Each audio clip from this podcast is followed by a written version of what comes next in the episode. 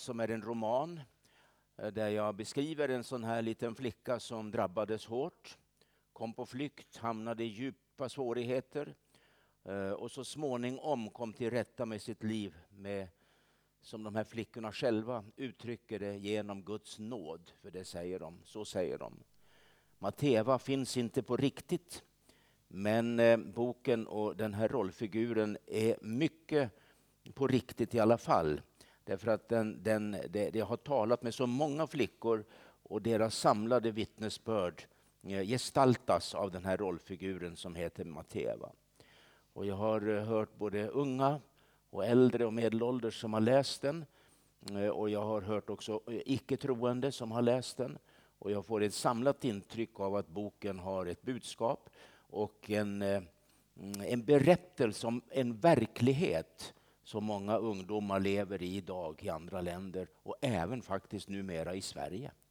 Så när ni köper den för 150 kronor och, och swishar, för ni är väl moderna alla här så ni swishar pengarna i luften så det kommer till vårt konto, föreningen Krygmas, och då går det direkt till Hemmet Rut och förstärker den gåva som ni för övrigt ger här i församlingen. Och det är andra böcker där som jag inte har sagt det förut så jag tar inte tid att säga mer om det nu. Jag har eh, igår i två bibelstudier undervisat från Kolosserbrevet. Och det är ett kristocentriskt brev eh, som ger oss en stark undervisning om Jesus. Han är den främste, han är den förste, han är den bäste, han är nummer ett. Mm, och när Paulus ska beskriva för den här församlingen denna Jesus position så går han så långt tillbaka i historien som det överhuvud är möjligt, nämligen till skapelsen. Och I första kapitlet, 16 vers, som jag talade om igår, så använder han tre prepositioner för att beskriva detta. I Kristus skapades allt. Genom Kristus skapades allt. Till Kristus skapades allt. Och därmed vill Paulus säga till en splittrad församling som hade stora bekymmer och, och, och mycket övrigt att önska, trots att de hade också väldigt mycket som var positivt och bra, så säger han att om nu Jesus var den främste i skapelsen så måste han väl också få bli den främste i sin egen församling. Så det är en logik i detta och det är en pedagogik också för att framföra ett aktuellt budskap till de troende. Sen hann vi också säga igår att han är den främste inte bara i skapelsen utan även i försoningen. Och när jag säger att han är den främste så är han den enda försonaren. Här fanns andra försoningsalternativ, nämligen fäderneärvda människomeningar om änglatillbedjan och, och mycket av filosofiska mönster som de medlemmar som hade en hednisk bakgrund nu frestades att föra med sig in i sin gudsrelation. Men det varnar han för och säger det räcker med Jesus. Och även de medlemmar som hade en judisk bakgrund Mm, eh, så, så, så kunde de frestas efter ett tag att inte bara ha Jesus utan även judendomen som frälsande religion. Och det går inte, utan det är bara Jesus Kristus som är vår frälsare. Det är budskapet. Och då ska jag bara nämna om att, eh, jag nämnde bara i förbigående igår, att han är den främste i skapelsen och även i försoningen, men han är också den främste i den osynliga världen. Det är så att Bibeln talar om att det finns demoner och andar, onda sådana. Det är inte så populärt att säga i svenska församlingar idag, för man vill inte höra om sånt, för det är lite obehagligt och varför ska vi prata om sånt? Och vi ska inte överdriva det, men vi måste vara medvetna om att vi har en andlig kamp att kämpa. Och det är bara genom namnet Jesus vi vinner den kampen. Det finns ingen annan väg. Jag ser också i tredje kapitlet av samma bibelbok att han är den främste, inte bara i den osynliga andevärlden, utan han är också den främste i själva himlen. Jag läser. Då ni alltså har uppstått med Kristus, sök då det som är där ovan, där Kristus sitter på Guds högra sida. Tänk på det som är där ovan och inte på det som är på jorden. Ty ni har dött och ett liv är dolt med Kristus i Gud. När Kristus träder fram, han som är vårt liv, då ska också ni träda fram i härlighet tillsammans med honom. Det där handlar nog det sista där om Jesu återkomst och han träder fram på skyarna. Ska också vi få träda fram. Men det finns också texter, jag tänker på Hebreerbrevet, att vi frimodigt får träda fram inför nådens tron. Så i Jesus Kristus så har vi hittat en nyckel där vi kan öppna dörrar och gå in till självaste tronen, nådens tron och där finna nåd och barmhärtighet i rätt tid. Utan Jesus öppnas inte de dörrarna. Utan Jesus är det stängt. Det går inte. Precis som det allra heligaste i templet. Det var inte tillgängligt för människorna trots att de var uppkallade mm, eh, eh, efter Guds namn och tillhörde Gud i den meningen att de var egendomsfolket, det judiska, så kunde de inte få gå in i det allra heligaste. Utan det var en präst som fick gå in, en överstepräst och det var olika präster varje år. Så det var inte samma präst som fick köra in där och, och göra det till en vana så han skulle bli professionell och gå in där. Utan varje år det skulle in en präst så var det en nybörjare som var lite tveksam och lite undrande. Gud hjälp mig, jag ska gå in här och ha en stor uppgift för första gången. Och det blev aldrig den andra gången för någon så då hände det något fantastiskt förstår ni när Jesus dog på korset och det är det Jesus centrerade. Och när han dog på korset så rämnade förlåten uppifrån och ända ner. Visst är det märkvärdigt? Och den där förlåten, den var, det var en, ett rejält stycke alltså. Jag tittade och undersökte det där lite och fann en text att det var 19 meter högt. Och jag tänkte, kunde det vara så högt? Så jag tog lite andra eh, böcker och lite... Då stod det 20 meter högt. Och jag tänkte ändå värre, så jag tog en tredje, då stod det 18 meter. Så att de är väl lite osäkra, bibelforskarna, men ni ser att det är ungefär så där. Så det var ett rejält stycke som var vävt i ett enda stycke. De hade inte vävt små mattor och trocklat ihop dem, utan i ett enda stycke var det vävt. Och så var det förebildat en ängel, en kerub alltså, som var bilden. Och det är som om den där keruben hade stått där generation efter generation och vaktat så att ingen annan än prästen en gång om året på den stora försoningsdagen enligt tredje Mosebok 16 och även 17 fick gå in där och göra tjänst. Och aldrig fick han gå in där om han inte hade blod med sig. Det var blodets budskap och evangelium det handlar om alltså. Så, så när, när Jesus dör på korset så rämnar förlåten. Och då, då hände det något med den där keruben som var liksom Guds vaktmästare på något vis och kollade så ingen kunde komma in. Och i Edens lustgård så ställde han keruber med ljungande svärd för att vakta så att eh, ingen kom in i Edens lustgård för det var ju stängt nu för, på grund av syndafallet. Så keruberna är Guds maktmästare på något vis. Jag finner det på, på ett sätt. Men den där keruben som var avbildad på förlåten, det hände något med den där stackars keruben när Jesus stod på korset. Den klövs uppifrån och ner. Så en halv kerub gick åt höger och den andra halvan av keruben gick till vänster. Och två halva keruber kan inte göra jobbet som vaktmästare. Nu var det slut på det. De kunde inte göra sin tjänst. De var fullständigt ödelagda och nu öppnades vägen ända in i det allra heligaste. Hör, märkte ni att jag blev lite inspirerad där? Och jag tänkte ni också borde väl bli lite inspirerade, för nu finns det inget som hindrar dig att träda fram inför Jesus. Det är som om Gud hade satt upp en skylt framför det allra heligaste tidigare. Obehöriga äga ej tillträde. Fast det var ingen sån skylt, men mentalt var det en sån skylt. Mentalt. Har ni sett någon sån skylt någonstans på någon dörr? Då får inte du gå in där om du inte är behörig. Du är utanför. Vad jobbigt. Hur kan de behandla mig på det viset? Eller du kommer till en stor vacker stad om sommaren och det är vackra gräsmattor i parkerna och du har picknick med dig, du har en filt som du ska lägga ut och en korg full med fika och vinerbröd och allt möjligt annat gott. Och så står det en skylt, gräsmattan får icke beträdas. Och där står du med din picknick och din filt och dina vänner som ska ha det mysigt. Du är inte välkommen på den där fina gräsmattan. De var inte välkomna in i det allra heligaste. Men när Jesus dog på korset fick Gud byta ut skylten. Han satte dit en annan skylt. Alla är välkomna. Alla har tillträde, men ingen har företräde. Så, inte det. Alla får komma genom nåd och alla får plats. Amen.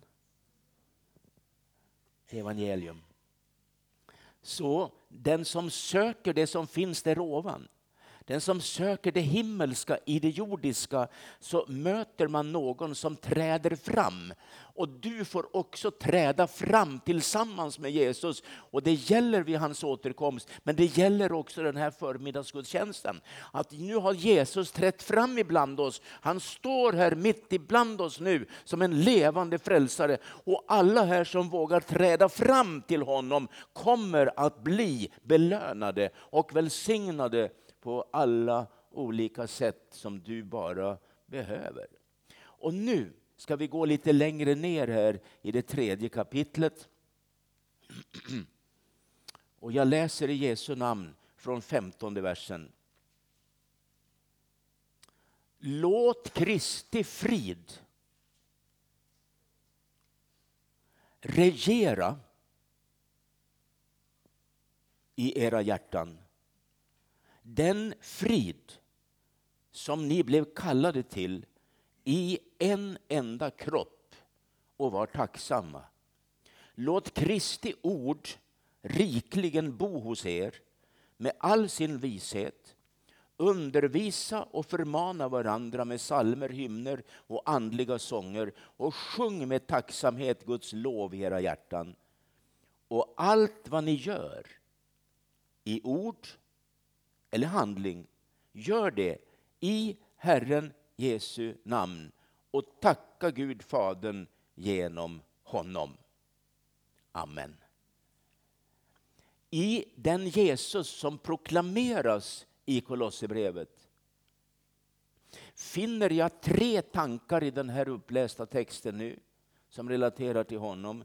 Det är Kristi frid, Kristi kropp och Kristi ord. Det är tre. Vilket talar till mig om att Kristi frid gestaltas i Kristi kropp som är församlingen genom Kristi ord. Så en församling som umgås mycket med Kristi ord, det vill säga Bibeln, kommer att få mycket frid i Kristi kropp. Den som inte bryr sig om Guds ord, Kristi ord, och, och, nästan struntar lite i det, för bibelläsningen har gått ner drastiskt bland frikyrkofolket i Sverige under en 20-årsperiod. Redan på 90-talet kom en utredning eh, signerad eh, Frikyrkliga studieförbundet där det stod att eh, bibelbruket i frikyrkan hade gått ner drastiskt. Tidigare hade, de, hade frikyrkofolket läst Bibeln, de hade den som en arbetsbok. Man skrev under, strök under, man gjorde anteckningar. Bibeln var inte bara en vacker andagsbok som låg på ett, eh, på ett bord, utan det var en arbetsbok som man jobbade med hela tiden. Då tog man med Bibeln till gudstjänsten, man hade den med, därför att det var en arbetsbok.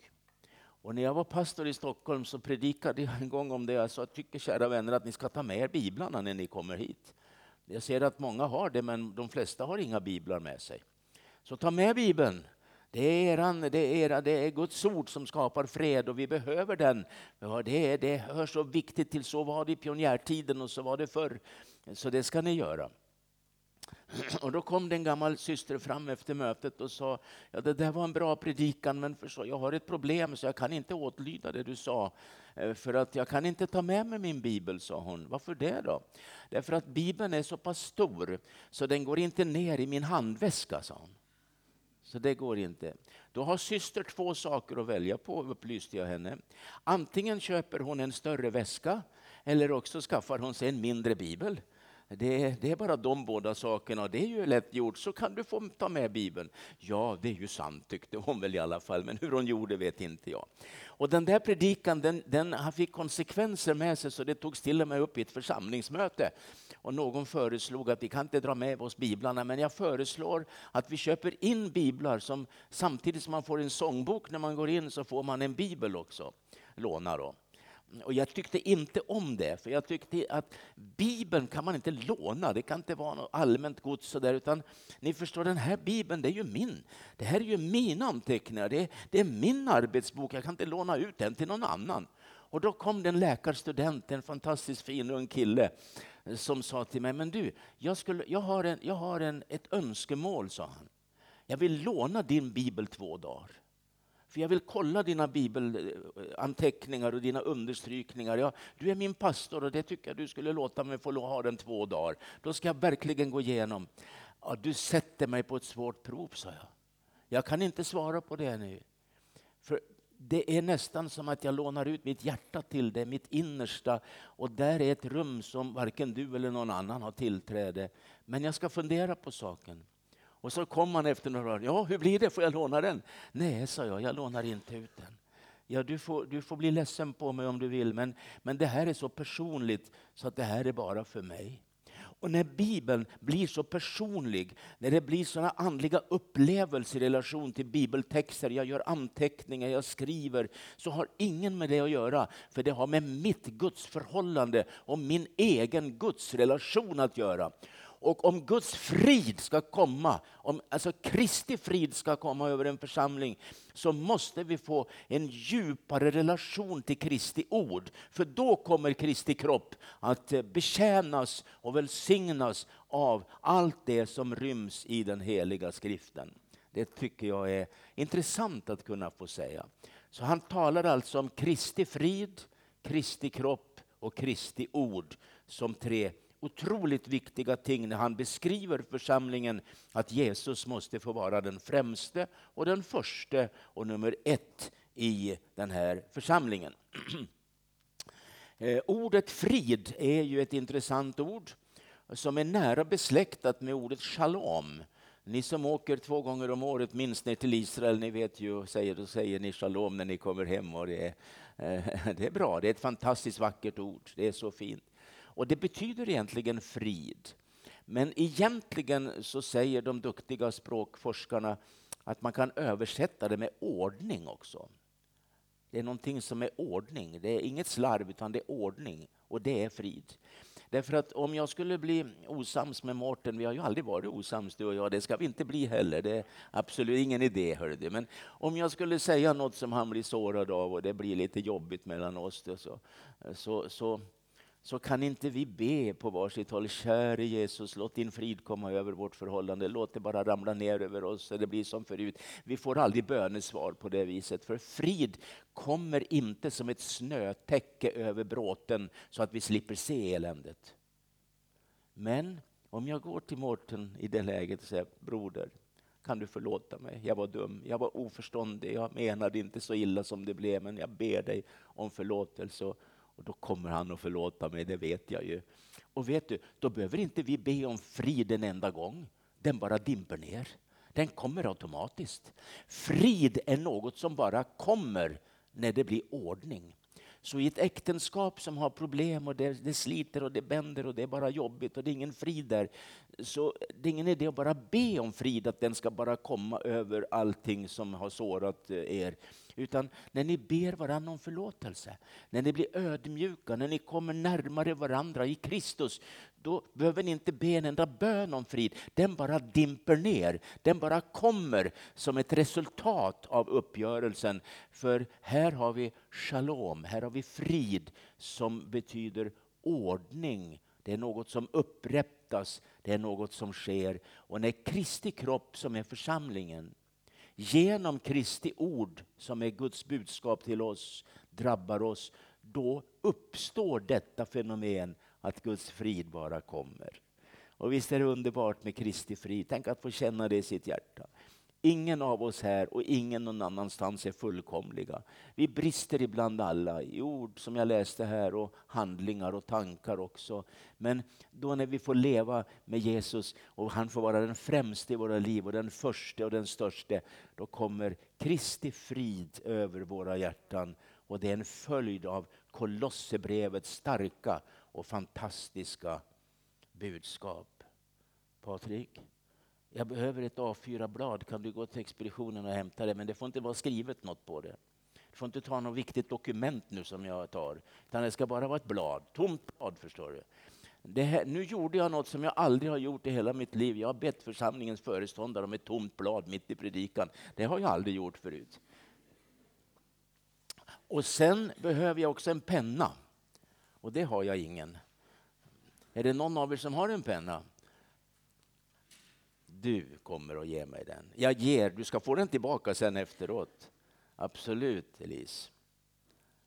Tänk att du lånar ut en penna till mig du. Vad jättefint. Åh, oh, vad bra. Och här kommer du med ett papper. Tack ska ni ha. Det var väldigt snällt av er att ni lånar ut ett penna och så papper. Får se, kanske jag har någon nytta av det någon gång i framtiden. Det vet man aldrig. Nu går vi vidare här i Kolosserbrevet.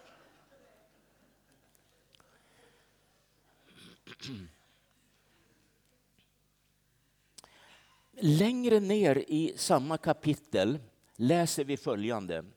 Det står om dopet i vers 12 och 13. Mm, och det kunde vara väldigt intressant att fördjupa sig i, men det räcker inte tiden till nu för ett enda mötet. Men det står här i slutet av 13.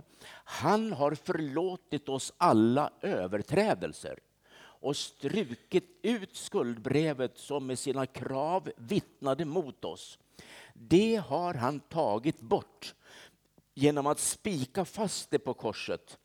Han har klätt av väldena och makterna och förevisat dem offentligt när han på korset triumferade över dem. Amen.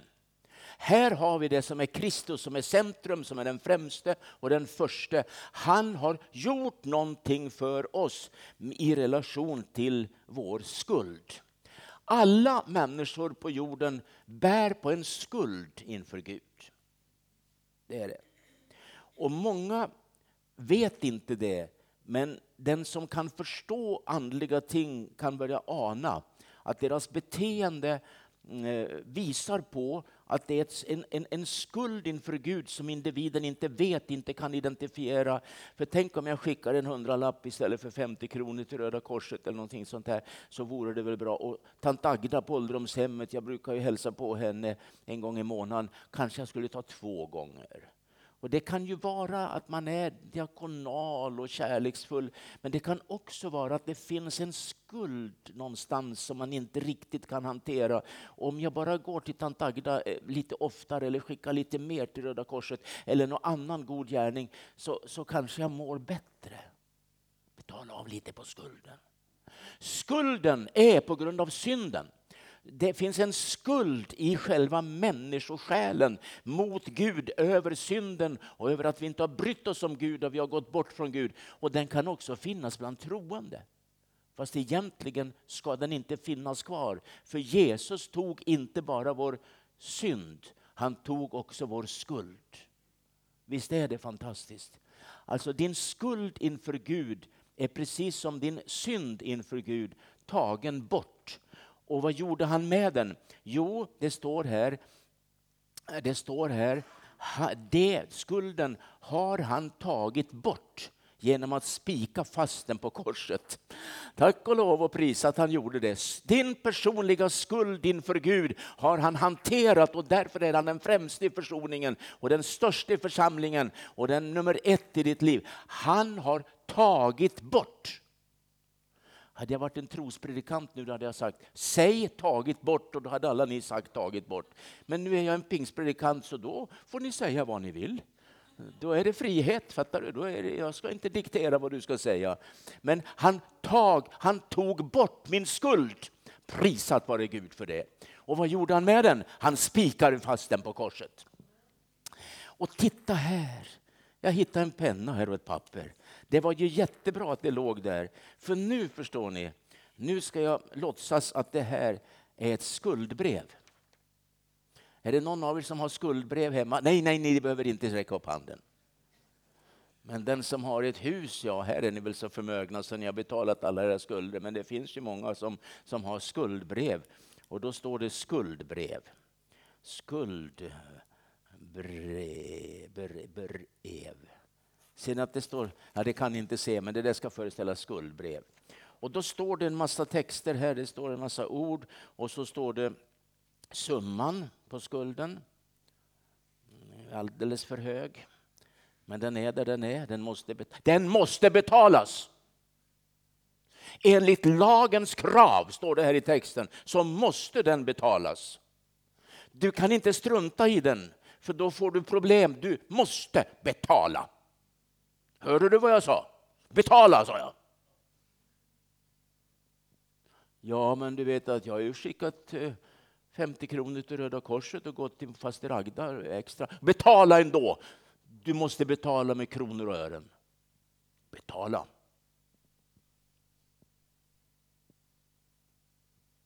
Såg jag riktigt arg ut nu? Jag kan inte se mer arg ut än så, men jag försökte i alla fall. Summan hög. Och så står det periodicitet för avbetalningarna, kanske en gång i månaden eller du ska betala i kvartalet. Men du måste betala. Det måste du. Och sen står det en massa finstilt längre ner. Och nu gör jag det så där bara så att jag kan inte skriva det för då tar det till eftermiddagen. Titta vilket fantastiskt skuldbrev jag fick i ordning här. Skuldbrev, summan hög skrev jag, vill inte säga precis hur mycket det är, för det har ni inte att göra med. Och så periodiciteten där ska betala si och så. Och så om du inte betalar så händer det och det och så står det mycket där. Så här är skuldbrevet. Och detta brev belastar mig med lagens krav. Och jag minns när Mambrit och jag köpte vårt första hus i Huskvarna. Där köpte vi ett hus. Och så kom det sådana där regelbundet från banken. Skulle betala. Betala. Och ingen gång när det kom att vi skulle betala en massa tusen så tog jag min fru på köksgolvet och dansade med henne och sa det är ju fantastiskt älskade hustru, halleluja, nu ska vi ut med en massa pengar här. Aldrig. Men jag betalade. Men jobbigt var det. Betala, måste betala. Och nu för vi över det till det andliga, ser du. Du måste betala. Och då kommer jag ihåg min pappa han var ju predikant och pastor och när jag var ganska liten så var han uppe i Värmland i en liten församling och, och jag tror mig veta idag att han hade inte mycket lön. Det var inte fattigt, vi hade mat på bordet, det vet jag varje dag. Men det var då absolut inget överflöd. Och så skulle han köpa en bokhylla för han hade mycket böcker. Och den där kunde han inte betala kontant så han tog den på avbetalning.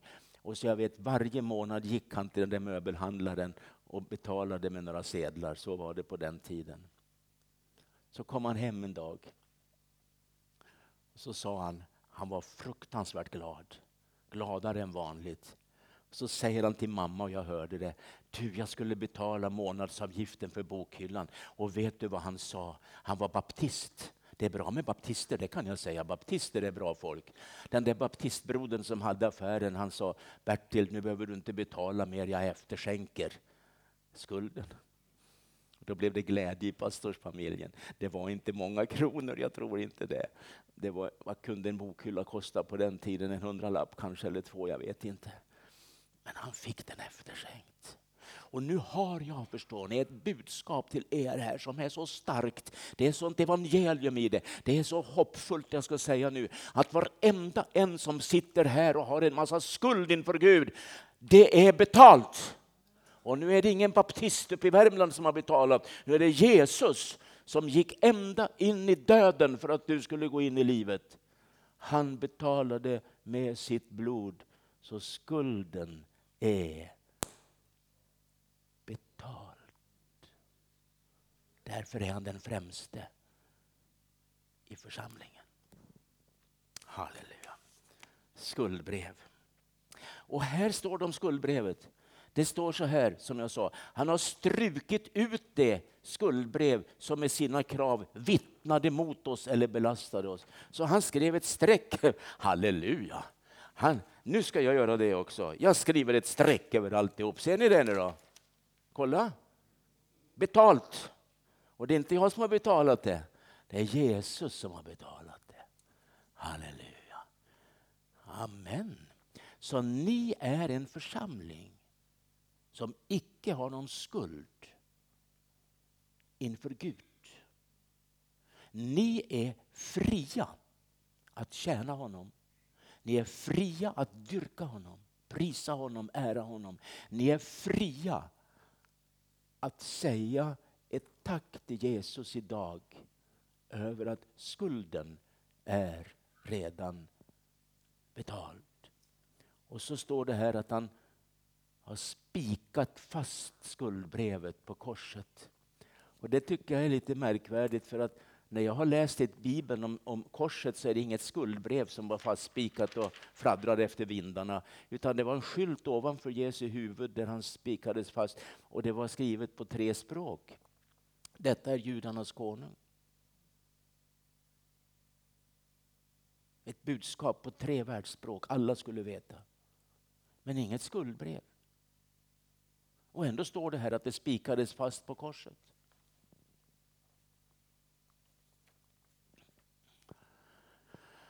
När Jesus dog på korset bar han i sin kropp all världens skuld. Så skuldbrevet som spikades fast, det var Jesus. Var Jesus själv. Halleluja. Mitt skuldregister han plånat ut, han plånat ut, han plånat ut. På mina synder han gjorde slut. Den bördan slipper jag bära. Det var väl en gammal sång det där va? Det är väl härligt? Den har plånat ut, det finns inte kvar, den är utplånad. Och så står det i alla fall, det kanske stod i någon gammal översättning eller i alla fall i någon gammal sång att syndaregistret har han... Vad gjorde han? Han har, börjar på R, rivit sönder.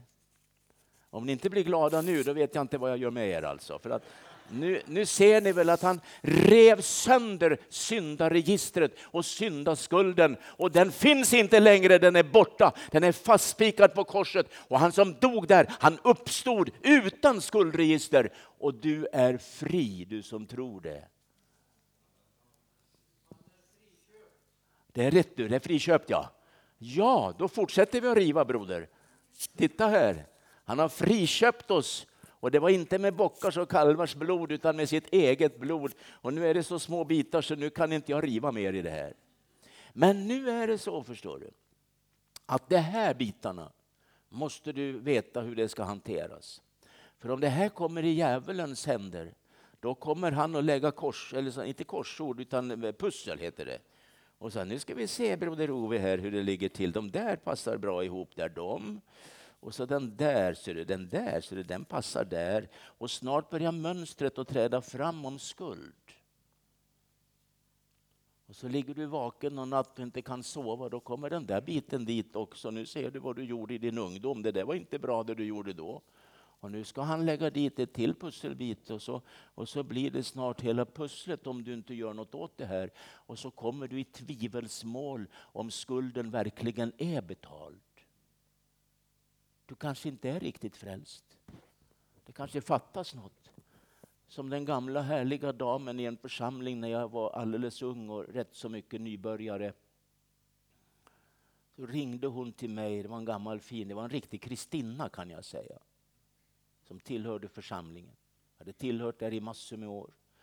Och så säger hon, är det broder Ove? Ja det är det. Du, jag är inte frälst längre, sa hon. Är du inte frälst, sa jag. Är du inte frälst? Har du lämnat Jesus? Nej, aldrig i livet. Jag skulle aldrig lämna han. Men han har lämnat mig nu, sa han. Så. Du, då kommer jag så. Jag satte på blåljus, på, ja det hade jag ju inte, men hade jag haft det så hade jag behövt, en utryckning alltså. Jag körde till henne när jag kom in, det var en liten lägenhet i ett rum bara och så en liten sovalkov och en spis och en liten köksdel. Det var en sån här pensionärs liten lägenhet. Och när hon öppnade dörren såg det ut som att hon hade gråtit mycket, hon hade nöd.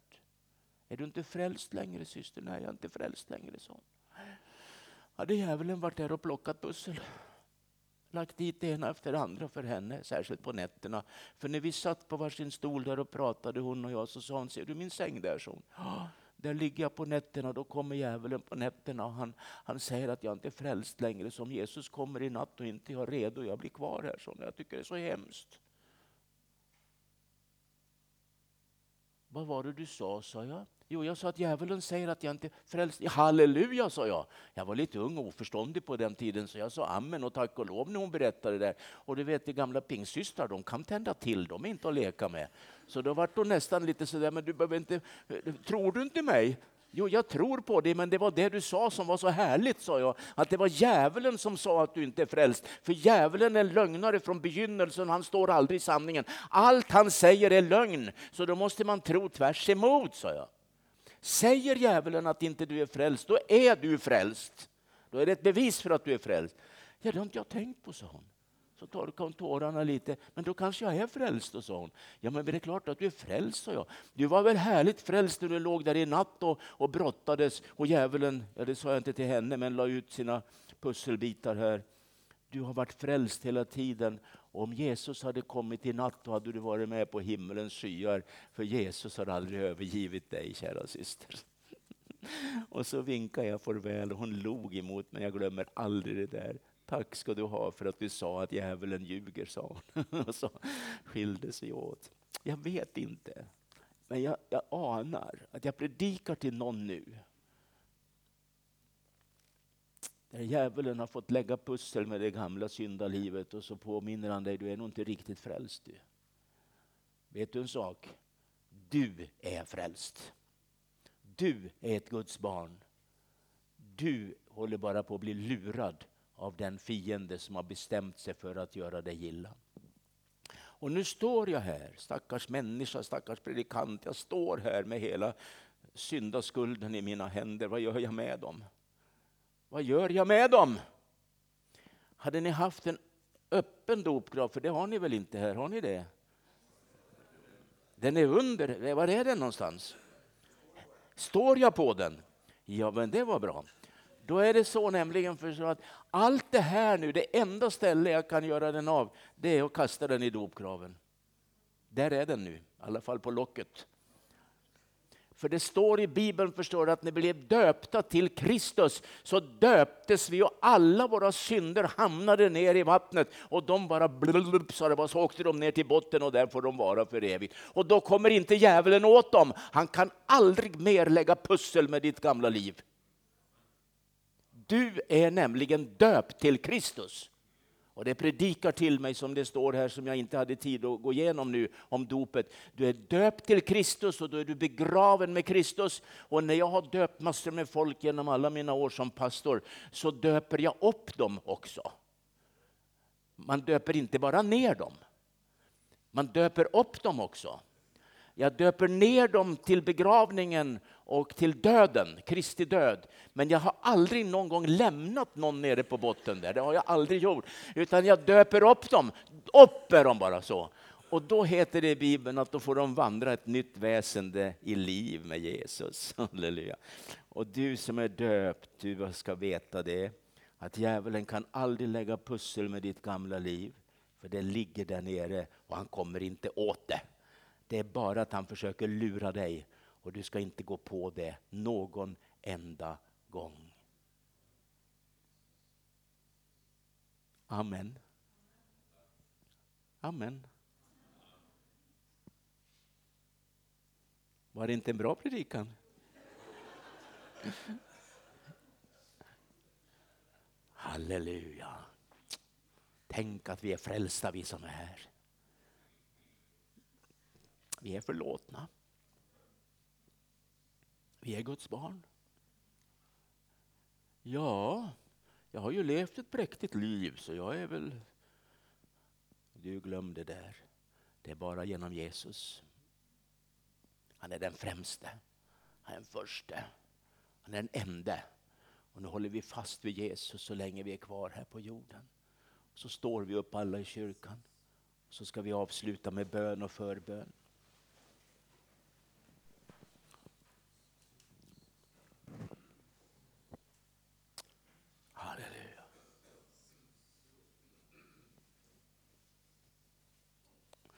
Jag vill tacka dig käre Jesus för att din kropp, församlingen, genom ditt ord får Kristi frid. Jag tackar dig Jesus för att denna församling här i Stöpen, mina vänner, jag har varit där så mycket, jag känner att här hör jag hemma. Här har jag mina vänner bland ungdomarna, bland de äldre och mitt emellan. Tack Jesus att din ordning ska få vila över den här kyrkan. Din frid som är din ordning. Och jag tackar dig Jesus Kristus att du bevarar dem i den friden nu genom ditt ord. Inga splittringar, inget bråk, ingen egoism, ingen materialism som ska ta över. Utan du är den främste i denna församling. Du är nummer ett, du är huvudet för kroppen. Och så vill vi i det sammanhanget tacka dig av hela hjärtat. För att skuldbrevet som vi alla hade och har, det blev fastspikat på korset. Och du är det skuldbrevet.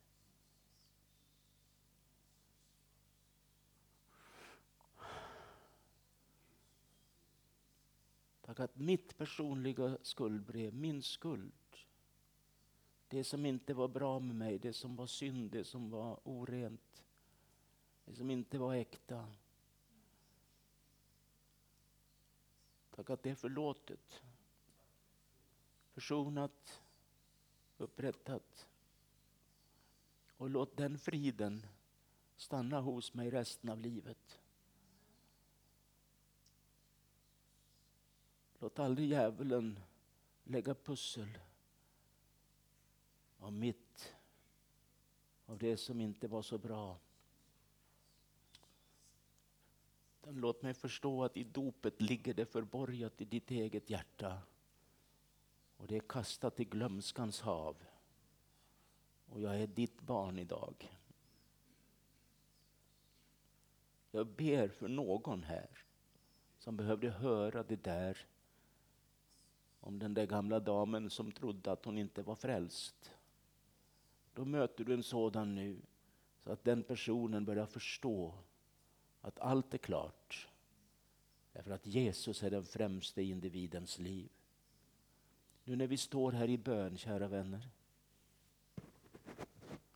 så är det förbön. Här finns förebedjare i den här församlingen och de kommer att stå där på den sidan som jag pekar nu. Välkomna dit förebedjare. Och medan vi går vidare här med sång så får du komma dit fram. Du får förbön. Och du kan få stå där och be själv också om du hellre vill det. Du får utgjuta ditt hjärta inför Gud. Och känna att du är i goda händer nu. För nu gör du en upptäckt min älskade broder eller syster. Att du är redan frälst och på denna dag kan du tacka för det utgjuta ditt hjärta inför Jesus. Och medan vi hör sång här så kan vi stå kvar en liten stund. Orkar du inte får du sitta. Och så är det förbön där. Välkomna i Jesu namn. Amen.